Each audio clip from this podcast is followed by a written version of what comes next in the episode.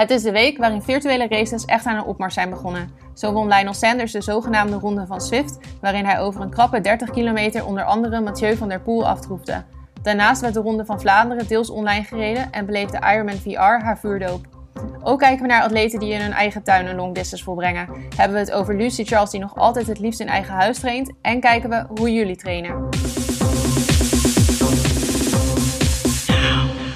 Zo jongens, ik heb een nieuw, uh, nieuw doel in mijn leven. Ik denk dat ik Lionel Sanders ga uitdagen op Swift. Ik zou er nog even goed over nadenken.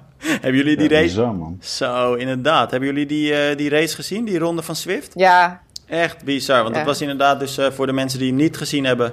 een, eh, een wedstrijd op, op Swift. Die eh, spelen natuurlijk heel, heel handig in op, eh, op het coronavirus... en eh, het feit dat heel veel atleten nu dus binnen zitten, topatleten. En er werd een race van, uit mijn hoofd, 28 kilometer gereden. 27,9 geloof ik, om precies te zijn. Ehm, werd ook helemaal live uitgezonden op Swift, eh, voorzien van commentaar. En ehm, nou ja, allerlei eh prof-wielrenners en dus ook Lionel Sanders, prof-triatleet, eh, die reden mee. Hij nam het onder andere op tegen Mathieu van der Poel. Nou ja, dat is toch niet de minste. Maar hij reed hem gewoon uit het wiel. Hij reed, Lionel Sanders reed gewoon op 4 kilometer weg bij iedereen op een klimmetje. Nou ja, het werd gereden in, eh, in Richmond, de map van Richmond. En nou ja, de mensen die eh, Swift hebben, die kennen dat rondje ongetwijfeld. Het is een pittig klimmetje. 600, 700 meter is dat denk ik. Een procentje of 8, 9 gemiddeld. En hij knalde gewoon met een wattage van rond de 800 eh, bij iedereen weg. En hij hield dat wattage ook nog eens 10 minuten vast. ja, Ja, het is echt knap. bizar. Van de Poel kwam er ook gewoon echt Ja. niet aan te passen. Dat was wel met meer, volgens mij, profwielrenners die, ja, die normaal op de weg gewoon heel goed zijn. Maar dan zie je dat die renners die echt gewend zijn en dat online fietsen dus eigenlijk... dat die daar toch echt veel sterker in zijn. Dat, die dan, dat is toch een bepaald trucje of zo. Wat je dan, eh, dat je het programma Ja. leert aanvoelen, je timing. Ik weet niet wat het precies is. Maar wel grappig om dat En die power-ups, hè, die gebruiken ze ook. En je ziet dan ook dat Lionel dat wel op een aantal handige momenten wist te gebruiken. Het is ook wel grappig dat je dat zegt. Want Lionel Sanders werd ook echt aangekondigd als... eh, ja, de- ik weet niet meer hoe ze het nou precies letterlijk zeiden. Maar in ieder geval de, de, de master van Swift, zeg Ja. maar. Zo werd hij aangekondigd. Ja, is die ook echt Ja. natuurlijk. Die fiets zo Maar goed. Ja. ja. hij heeft natuurlijk, hij traint daar superveel al, eh, altijd op Swift natuurlijk. Ook gewoon, in het, als hij niet in een lockdown zit, dan, dan zit hij ook gewoon volgens mij een paar keer per week gewoon eh, in zijn eh Ja. trainingscave daar op Swift eh, te, te rammen. En hij heeft vorig jaar ook echt pro, wedstrijden gereden, hè, van die Swift-wedstrijden. Ja. En die won hij ook een paar keer. En wel altijd, inderdaad, moest hij wel tactisch racen altijd. Want hij had altijd zoiets van, ja, ik moet het niet op een eindsprint laten aankomen. Dus ik ga sneak er vandoor op een paar kilometer voor het einde. Net zoals afgelopen weekend. Heeft hij ook helemaal uitgedacht, hè, Arjan? Want ik zag zijn, eh, zijn vlog te kijken. Van, eh, die, want hij heeft een speciale vlog over deze wedstrijd dan gemaakt. En daarin werd ook wel duidelijk dat hij echt alles op alles had gezet om die eh, wedstrijd te winnen. Want nou ja, ten eerste was het al heel bijzonder dat die wedstrijd plaatsvond om twee uur s'nachts voor hem lokale tijd. Ja. Dus hij heeft twee dagen heeft hij zelfs geacclimatiseerd om aan, nou ja, om aan de Europese tijdzone zeg maar, te wennen. Maar hij zat dus midden in de nacht op die fiets. En ehm, parcoursverkenning had hij dan gedaan. En hij had ook vooraf al aangekondigd. Kijk, als ik naar die, naar die finish ga met dit soort gasten, echt die profielrenners. Dan ga ik er gewoon niet aan te pas komen. Want zij trappen in een sprint ja, gewoon tegen de 1500 watt. En ik, ik kom misschien maar tot 1000, zei hij. Eh, dus ik moet dat verschil eerder gaan maken. Nou ja, hij heeft dus inderdaad op 4 kilometer voor de streep heeft hij, eh, heeft hij aangezet. Maar het verbaasde mij echt. Want hij trapte gemiddeld 400 watt, 401 watt geloof ik. Ja. Maar over die laatste 10, 15 minuten trapte hij gewoon rond de 600 watt gemiddeld. Ja, en het is ook zo grappig als je het dan vergelijkt met de nummer 2, de Zweedse Samuel Brandtoen. Die trapte echt beduidend minder. En dat is op zich dan logisch, omdat hij in de groep zat. Maar toch, hoe groot dat verschil is. Want wat je zegt inderdaad, Sanders trapte 401 watt. Ehm, die Zweed trapte 336 eh, gemiddeld over de, over de hele wedstrijd. je nagaan. En als je dan kijkt naar per kilogram, want dat is natuurlijk dan interessanter, dan kun je het beter vergelijken. Dan trapte Sanders 5,5 ehm, en die Zweed 5,17. Dus zelfs dan is het verschil gewoon echt heel groot. Ja. Heb je ook dat verschil in hartslag eh, gezien, Romy? Want dat scheelde ook heel veel, hè? Want ik zag dat eh, eigenlijk de volledige top 10... die had een hartslag van gemiddeld tussen de 150 en 160. Maar Lionel Sanders had als enige een hartslag van ergens in de 130. Ja, dat is echt gek. Ik snap echt niet, dat is Ja. echt heel laag wel. Als, Ja. Maar Ja, ik zag die video. Ik zag die video van hoe die uh, reed, want dan kon je de hele race zien. En dan zag je ondertussen, linksonder, zag je hem dan echt op, op zijn tak zitten, zeg maar. Ja. Maar hij ging wel diep hoor. ja, dat is wel... Je, had, je, had nog, je had nog een koers, hè? want je had ook nog, wat ik zag ook nog dat uh, ergens voorbij komen dat Martin van Riel, natuurlijk uh, zeg maar de triatleet die voornamelijk uitkomt op Olympische afstanden ook tweede werd in een, een Wii-Swift uh, ronde. Ja, ik las het ook inderdaad. Die was 126 nou, kilometer. En die klopte daar ook een aantal uh, toppers. Die werd wel gewonnen door een uh, Lotto Soudal-renner.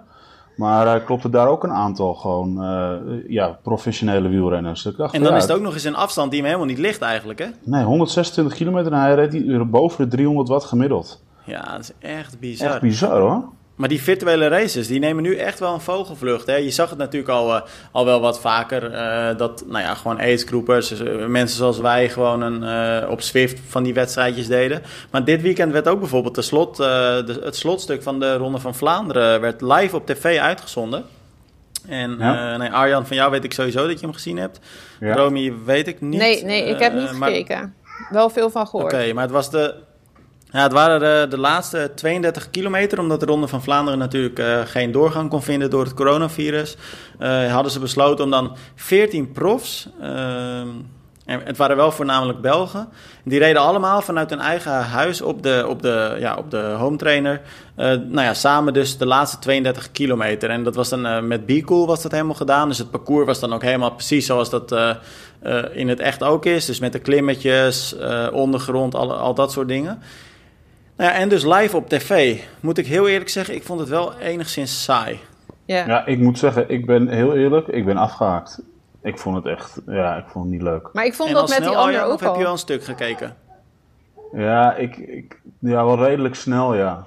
Het, het, daarna kreeg ik wel te horen van het, het, het, wordt nu al leuker en het wordt nu al interessanter. Ik denk dat ook dat iedereen nog een beetje aan het zoeken is. Natuurlijk een nieuw format van hoe kunnen we dat goed uh, in, in beeld brengen en hoe kunnen we dat goed verslaan. Uh, dus ik denk dat dat allemaal is nieuw. Dus uh, misschien had ik het even moeten afkijken, maar ik was ook lekker, het was lekker weer. Ik zat heerlijk in de tuin, dus ik had ook zoiets van, ja, er zijn ook nog andere lekkere dingen. Dus ja, ja. Uh, vandaar kwam zoiets dat ik zet hem nu eventjes af. Want ik, vond het niet, ja, ik vond het niet heel spannend, terwijl ik normaal voor de wielerwedstrijd ja, echt wel zes uur kan zitten.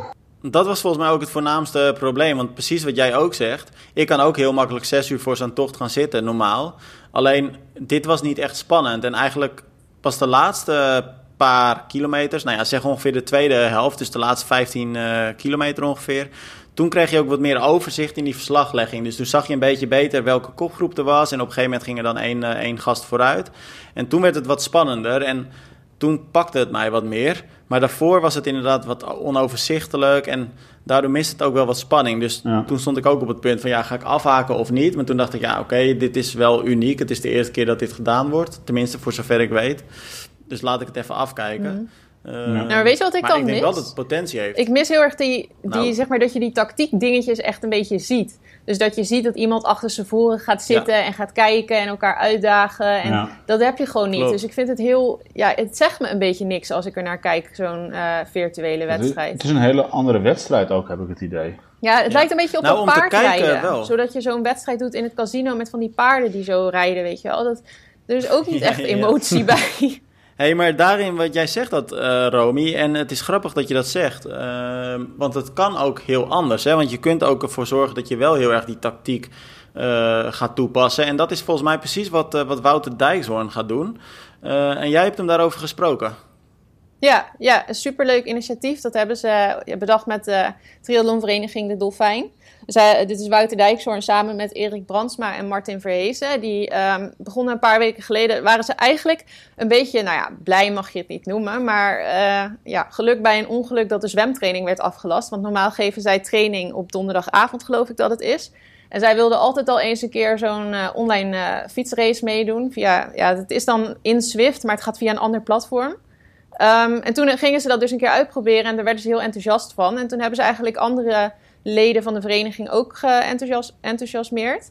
En zo hebben ze nu al vier uh, teams bij de Dolfijn, waarmee ze dus uh, ja, in, met teamtactiek tijdritwedstrijden uh, doen. Ja, want ze rijden dan dus een team time trial, hè? Ja, dus je kunt met een team van vier of van acht atleten rijden dan een tijdrit. En dan zetten ze voor de gamers, ja, ik ken het niet. Jij misschien, Tim, jij bent nog wel van het gamen. Discord, hè?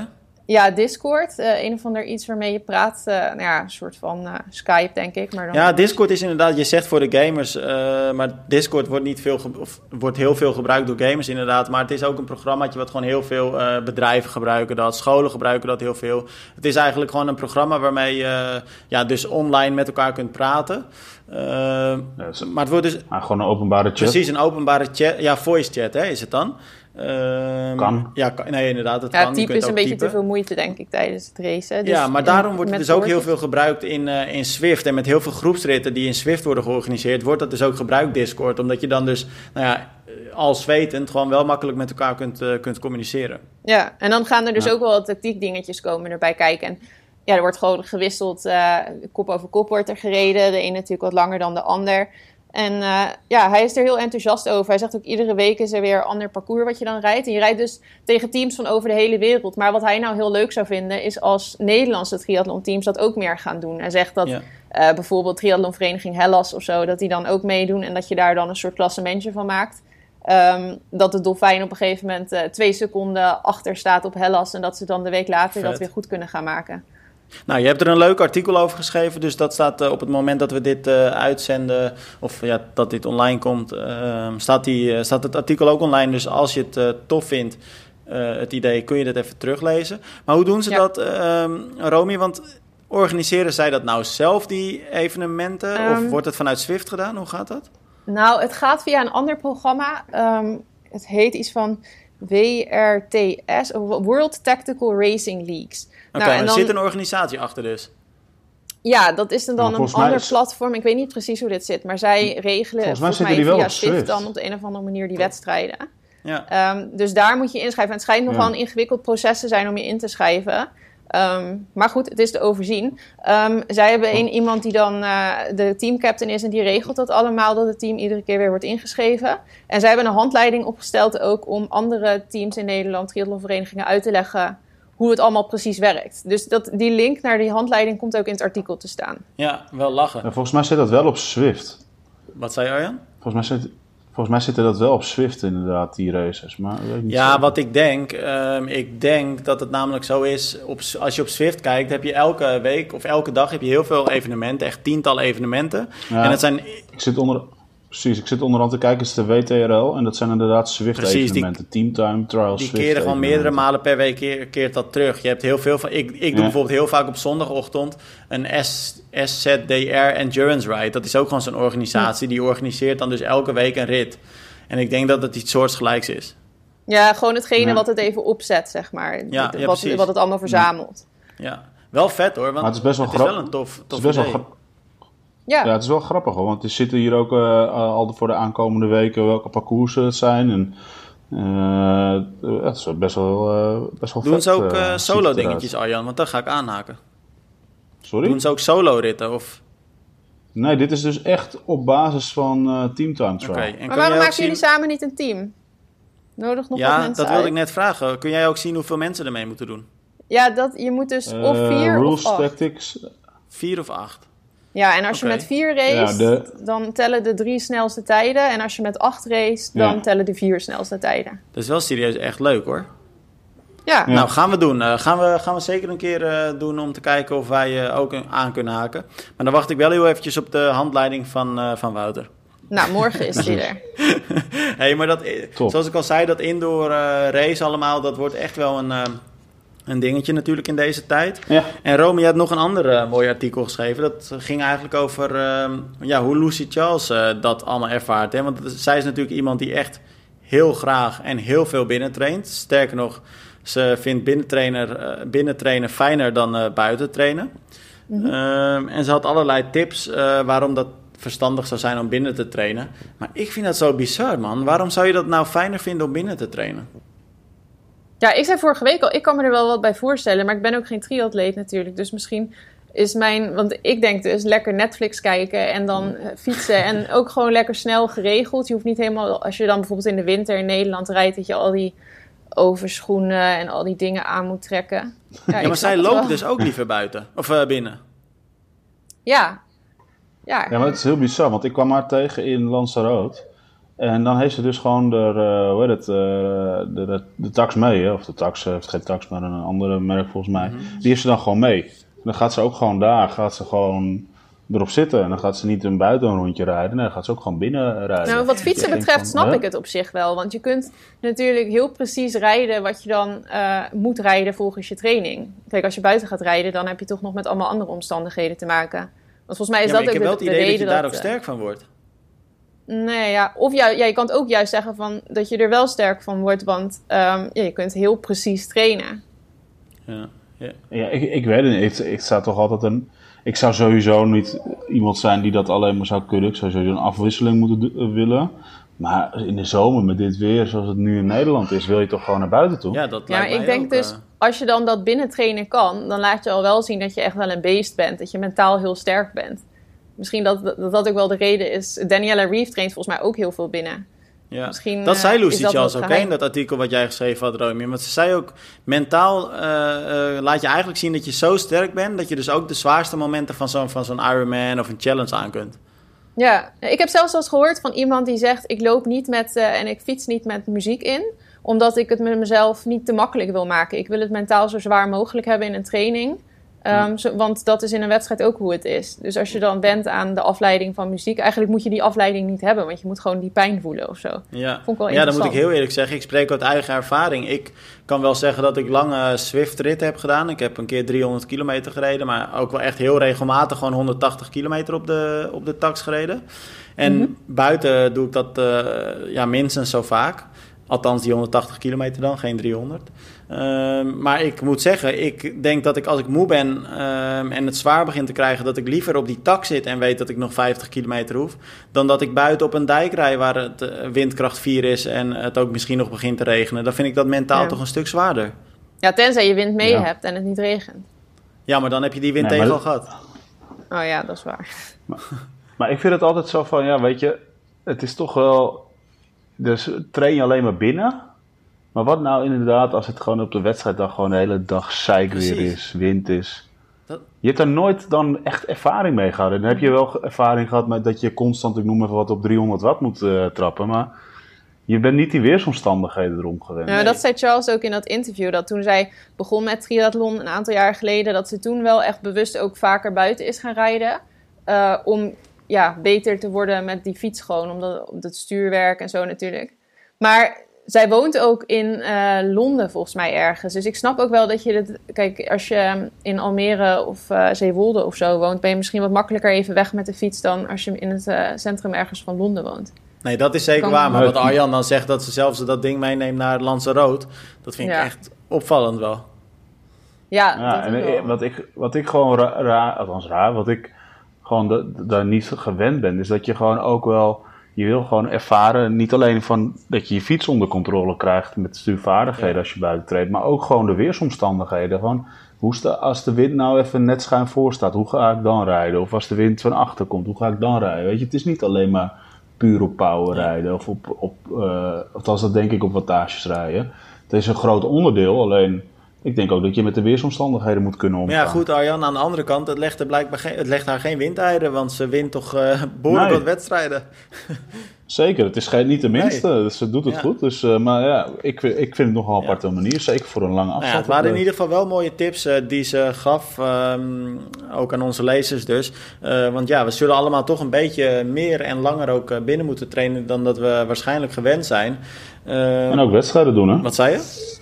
En ook wedstrijden En ook doen. wedstrijden doen, inderdaad. Uh, maar ik wilde eigenlijk het bruggetje slaan naar onze trainen met rubriek. Want die hebben weer uh, nieuw leven uh, ingeblazen. Juist omdat we wel heel erg benieuwd waren hoe de Nederlandse atleten, onze luisteraars dus, ja, eigenlijk omgaan met die coronacrisis. Hè? Van passen ze hun trainingen nou heel erg aan of niet? En Um, vorige week hadden we dan Marloes Vos. Zij had een uh, nogal emotionele post op uh, Facebook geplaatst. Uh, want zij is een, ja, hoe noem je dat, adaptive atleet. Ja. Zij heeft een spieraandoening waardoor haar spieren eigenlijk constant afzwakken. Dus zij moet gewoon in beweging blijven. Um, en zij postte toen op Facebook van... joh, op het moment dat ik straks gebonden ben aan huis door alle maatregelen, dan kom ik echt in de problemen. Want sport is mijn medicijn. Dus toen hadden we besloten om haar schema een keertje te delen. Deze week uh, delen we het schema van uh, Koen Heijman. Een, uh, een, een, zeer sterke triatleet die onder andere in de eredivisie uitkomt en zich dit jaar op, de, op zijn eerste half aan het voorbereiden is. Um, maar als ik het nou niet specifiek betrek op de schema's van deze twee atleten, maar gewoon wat breder trek.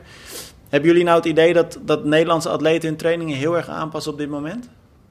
Volgens mij valt dat nog wel mee. maar jullie, in Nederland kan je ja. naar buiten natuurlijk om te fietsen en te lopen. Ja, maar het wordt wel afgeraden. En we hebben die discussie natuurlijk ook onderling al een keer gevoerd met elkaar. Zo wij. nog nee. Nou, je ziet wel dat, dat atleten, althans ik zie, als ik de sociale media mag geloven, steeds meer atleten gewoon alleen trainen. Ja. Dus dat zie je wel, dat is natuurlijk een verschil. En uh, je ziet ook steeds meer atleten uh, wel toch wel binnen gaan trainen. Ehm, en het toch wel aan het proberen zijn. Wat is het nou allemaal? Voor sommige atleten is het helemaal nieuw. Uh, maar heel veel verandering is voornamelijk het zwemmen. Dat is denk ik het allerbelangrijkste. Dat de, dat de meesten niet kunnen zwemmen momenteel. Ja, nou ik moet wel zeggen, want ik zit zelf natuurlijk op Strava. En ik heb wel het idee dat de tijdlijn van mijn Strava-profiel een stuk leger is dan normaal. Dus dat er toch veel minder activiteiten geüpload worden. Nou, kan best dat nou, mensen toch gewoon... Ja, als je niet een race hebt in een nabije toekomst... dat je dan misschien toch wel een beetje gas terugneemt. Ja. Ik heb juist het idee dat er bij mij een tijdlijn meer wordt geüpload. Ja? ja, ja, het verschilt natuurlijk ook maar net wie je dan volgt, hè. Dus, ja. Uh, ja. Nou ja, grappig. Nee, Jij volgt al die, al die pro's die van Strava af zijn gegaan omdat ze commentaar krijgen. Ik heb ook helemaal geen volgers meer. Heel stil uh... ja, precies. Hey, maar Arjan, doe jij wel eens van die digitale races op Swift of uh, doe je dat nooit? Nee, nee. Omdat je het niet leuk vindt of omdat je gewoon niet moe wil worden? Nee, omdat ik eerst gewoon, uh, gewoon nog eens even mijn basisconditie een beetje aan het op... op nou ja, dat is wel leuk hoor, Arjan, want je, dat zeg je wel. Maar het leuke aan die Swift races is juist dat je het per categorie kunt doen. Hè? Als jij bijvoorbeeld de D-categorie pakt, dan kun je echt wel in het peloton meekomen. Ja, dat weet ik ook wel. Maar jij weet ook nog dat we een keer samen reden. Dat ik dan, je weet ook hoe ik ben. Dan wil ik ook gewoon als eerste overal boven komen. En, uh... je, je hebt nog steeds slapeloze nachten dat het je niet lukt, of? Uh, volgens mij kwam ik als eerste boven. Uh, maar dat even terzijde. Nee, maar ik moet heel eerlijk zeggen, want ik vind die, die, ik vind die races wel leuk. Ik heb best wel een tijdje veel van die uh, Swift races gedaan. En er zit één hele leuke in, die keert nou ja, volgens mij bijna elke dag wel terug. Ja, dat heet de Classic nog wat. Dat weet ik even niet uit mijn hoofd. Maar dat is dan een rondje van... dat, dat is eigenlijk 17 kilometer. En dan rij je steeds een rondje van 2,2 kilometer of zo. Dat leg je dan een paar keer af. En dat is hm. echt leuk, want dan rij je, omdat het rondje zo kort is, zie je dus heel goed ook die verschillen met nou ja, de uh, koplopers, achtervolgers. En er staat dan uh, nou ja, virtueel publiek langs de kant. Dus het voelt alsof je echt een soort van criterium aan het rijden bent. Echt een hele toffe race is dat. Oké, nou, eh, misschien dat ik het deze week wel eens even een keertje Ja, gaan we samen een keer een ritje rijden, ja? Ja, dan ga jij de A-categorie of wat is de hoogste? nee, was maar waar. Dat, uh, dat ga ik niet halen. hey, maar dat gaan we dan een keer doen. Wat we, wat we vooral niet gaan doen, Arjan, is iets wat ik heb gelezen. Ook op onze website. Romy was daar ook goed mee bezig. Twee atleten die een long distance in hun eigen tuin hebben afgelegd. Ach man, gekhuis. Romy, hoe zat dat nou? Ja, eentje, eentje was in Zuid-Afrika, toch? Ja, ja, eentje zou Ironman Port Elizabeth doen. was dat vorig weekend dan? Ja, het is niet al, ja, ja. vorig weekend.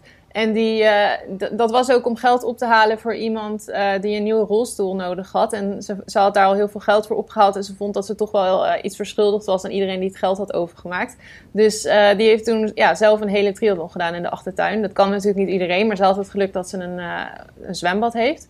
Dus heeft met zo'n elastiek zichzelf vastgemaakt aan de poort, geloof ik, of zo is in het zwembad gaan liggen, heeft ze 90 minuten gezwommen. Ik denk een beetje ingeschat hoe lang ze normaal gesproken over het zwemonderdeel zou doen. Nou, en toen is ze op de fiets gaan zitten op de indoor trainer, is ze 180 gefietst en toen een marathon. En, uh, ze in de tuin, De tuin was een redelijke tuin, maar het was niet heel groot. Het was geen landgoed of zo, dus het waren aardig wat rondjes. Ja, het waren duizenden, duizenden rondjes. Ja, 1500 of zo volgens mij waren het er. Dus ja, dat, uh, ik, denk dat je dan wel pijn in je hebt. Ik las, erbij, ik las erbij in het artikel van ja, ze had wel massa, want uh, de zoon die kon daardoor wel af en toe even meelopen, een paar rondjes. Ja, Ja, en wat ook grappig was, ze had blijkbaar vanaf ergens kilometer 30 of zo, um, heeft ze nog naar haar uh, man geroepen dat hij even de kip of zo uit de vriezer moest halen voor het eten van, eh, van die avond. Ja. En ik, had ook, ik las ook dat, eh, dat, ze, dat haar man eh, de- voor de verzorging eh, zorgde in de keuken. De drankpost was in de keuken. Ja, Nou, wel goed, goed toch? ja, het lijkt me wel jongen, jongen, wat een lange dag moet dat geweest zijn. Ja, maar die Mentaal. ander was eigenlijk nog grappiger. Want er was dus ook een man die dit heeft gedaan in Amerika, ergens was het geloof ik. Maar die heeft er echt een super grappig filmpje van gemaakt, vond ik zelf. Met een eh, trofee van wc-papier op het eind. En, eh, Ja, en hij ging ook echt zijn fiets in een rek, hè? Ja, ja, ja, hij had een hele wisselzone gemaakt met eh, een tapijt. Waar hij dan vanuit het zwembad over het tapijt naar zijn fiets. Maar hoe noemde het film. nou? Hij noemde toch ook iets van de Oh ja, de quarantaine man. man of zo? Ja, de quarantaine man, volgens Oh mij. ja, de Quarantine Man, ja, ja dat was het. Quarantaine, man. Nou, Geniaal. ik moet zeggen, ik vind, eh, ik vind eh, extreme uitdagingen best eh, tof. Maar een hele in je eigen tuin, dat gaat wel ver hoor. Ja, Ja, dat gaat echt ver. Dat doe je denk ik gewoon één keer omdat het lachen is. Om dan te zeggen dat je dat een keer hebt gedaan. Maar eh, ja, eigenlijk Nou, dat het mensen het één keer al doen. Ja, dat snap ik ook al niet. Hebben jullie al wel eh, dingen gedaan, eh, gekke dingen die jullie eh, normaal niet zouden doen, maar nu wel vanwege quarantaine? Omdat de, nou ja, omdat de muren een beetje op jullie afkomen of valt het mee? nee. Ja, yoga midden op straat. Want ik dacht, Yoga er kwamen toch geen auto's aan. Zo hiervoor op de stoep. Op, de, Ja. op het asfalt. Ja, want de stoep loopt af. Dus ik moest op straat, want daar was het wel eh, recht. Maar je mag toch niet op straat? Nee, maar ja, twee meter. Ik dacht als de politie me ziet, dan ren ik snel terug naar, het, eh, naar de oprit. Dat, eh, dat lukt nog wel. En mijn buren die, die rennen hier rondjes door de tuin. Maar Ah, dat ja, gaat wel ver hoor, want dat is echt klein. Ja, dus dat is wel daar, best. eh, waag ik me Maar jij mag lekker naar huis hè, morgen? Ja, ja, overmorgen. Ja, maar ik Gaan ging er al met- vanuit omdat we dit morgen online zetten. Oh, sorry. Nou, verpest ik het alsnog. Had je zo goed over nagedacht. Nee, maar woensdag morgen inderdaad, lekker naar huis. Ja. Ja, ik ben al druk aan het inpakken en zo. Want dat hoorden we dan ook gisteravond pas. Met een repatriëringsvlucht gaan we nu eh, terug naar huis. Vliegen eerst helemaal naar eh, Madagaskar ergens, daar voorbij. Ik ken het niet. Hoe heet het nou? Jij kent het. hè, Reunion, hè? De eiland. Sicile-eilanden. Nee, naar Reunion. Geen- Oh ja, Ja, Reunion. niet. Dat was het. Dan gaan we denk ik ook nog mensen ophalen of zo. En dan vliegen we terug naar Amsterdam. Gezellig, toch? Ja, nou, ik dacht dus eigenlijk, wij leuk. vliegen altijd via allemaal verschillende stops, omdat we altijd gewoon het allergoedkoopste ticket kopen. Dus ik dacht, nou ga ik het eindelijk eens een keer meemaken in mijn leven dat je gewoon direct naar Amsterdam vliegt. Ik keek daar best wel naar uit. maar het is alsnog zo'n eh 20 uur lange vlucht. Maar goed, Ja. ik ben al lang blij dat we naar huis komen hoor. Nou ja, het is inderdaad fijn dat je nu eindelijk dan naar huis mag samen met Evert. Maar aan de andere kant, ik denk dat je hier dus, eh nou ja, we hadden het er al kort over. Hier zou je ook wel even echt in volledige quarantaine gezet Ja. worden nu, denk ik. Ja, ja, ik keek er echt wel naar uit om Nou, lekker naar niet, Nederland. ja, het moet volgens mij wel, Ja, officieel. omdat je vanuit het buitenland komt, Arjan. Nou, het, wordt, het wordt aangeraden dat mensen die uit het buitenland komen twee weken in quarantaine gaan zitten. Maar er is ne- geen controle of zo. Nee, Ja, je zou dus het niet kunnen zo vrijblijvend als ik weet niet wat. Ja, maar goed, we doen het dan wel, want ja, het is toch Ja, wel... tuurlijk. eh, Ja, logisch. Voor de zekerheid. Ja, en we maar- hebben natuurlijk ook gevlogen. Dus je zit dan met zoveel mensen in zo'n vliegtuig. Ja. ik denk dat de kans best groot is dat, je, ja, dat er een, iemand in het vliegtuig corona heeft en een paar mensen aansteekt. Ja, wat je moet doen, Ja. ik had een eh, documentaire, eh, of nee, het was een podcast van, eh, met Michel Butter geluisterd. En Mhm. die vertelde dat altijd als hij gaat vliegen, dan neemt hij de dagen ervoor extra zink en vitamine C. En dat, dan verklein je heel erg je kans op eh, nou ja, verkoudheid en alle bacillen Oh, die daar... Van eh, zink wist ik dat niet. nee, dus dan kun je dat misschien eh, proberen. Oh, ik zal het eens even opzoeken. Ja, maar ja. Oh, die procedure ook, hoe wij dus dan... Want het, het lijkt net alsof het oorlog is. Je krijgt een mail met allemaal documenten dat je door de soort van controles mag. Want je mag hier dus eigenlijk niet op straat. Mhm. En dan heb je van die brieven aan de politie waarin staat dat je dan wel op straat mag. Om, eh, en dan moeten we naar een verzamelpunt en dan moeten we een masker dragen. Dan worden we geloof ik ook nog getest op corona. Ik weet niet hoe ze dat precies doen. Het is echt, als je dan al die dingen leest, het is echt eh, raar hoor. En, En, dan hoe worden kom we je weer dan met naar het bussen naar het vliegveld. Dan, want ja, met bussen. taxis en zo rijden ook niet, denk ik. Eh, nou, taxis gaan volgens mij dus wel. Maar dan moet je dus wel een permit hebben dat je in die taxi mag zitten. Maar die hebben we dan nu gekregen. En dan worden we dus naar een of ander punt gebracht waar we verzamelen. Want je mag niet direct naar het vliegveld. Hm. Eh, en dan word je met bussen dus daar weer naar het, vlieg, ja, naar het vliegveld gebracht. Jeetje, wat een heel raar. Ja, en dat vliegveld gaat helemaal dicht zijn. Ik ben heel benieuwd hoe dat is. Hm. Heel gek. Nou ja, wel weer een Ja, hele heel ervaring. rustig vliegveld, ja. Ja. Nou, voor nu een, eh, een hele goede vlucht, Romy. En, uh, u. nou ja, ik heb net Arjan natuurlijk uitgenodigd voor een uh, toffe Swift-rit samen. Maar dan wil ik dat uh, bij jou eigenlijk ook doen. Maar zullen wij dan samen een uh, Ironman VR-race gaan doen? Met mij? Ja. Oh, ik dacht met Arjan.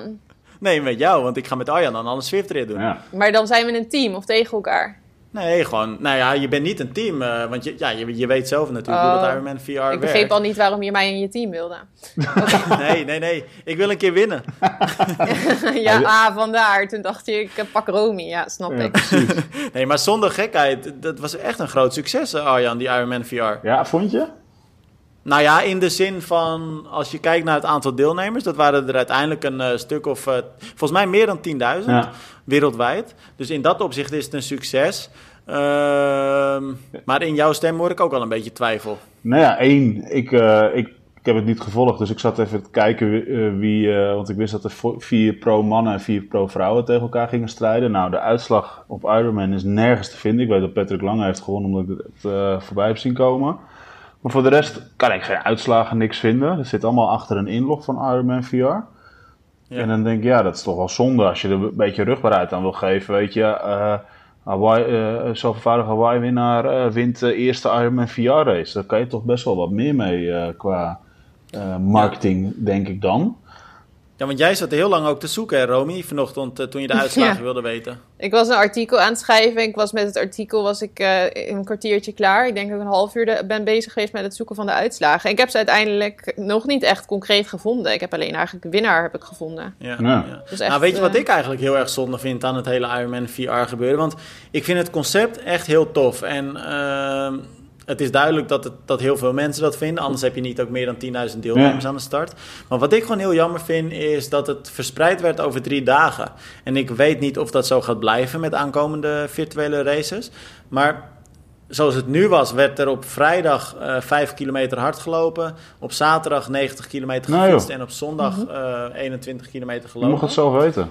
Als het maar binnen... Ja, je mocht het zelf... Ja, nee, precies. Maar in de praktijk zag je dat eigenlijk bij iedereen zo gebeuren.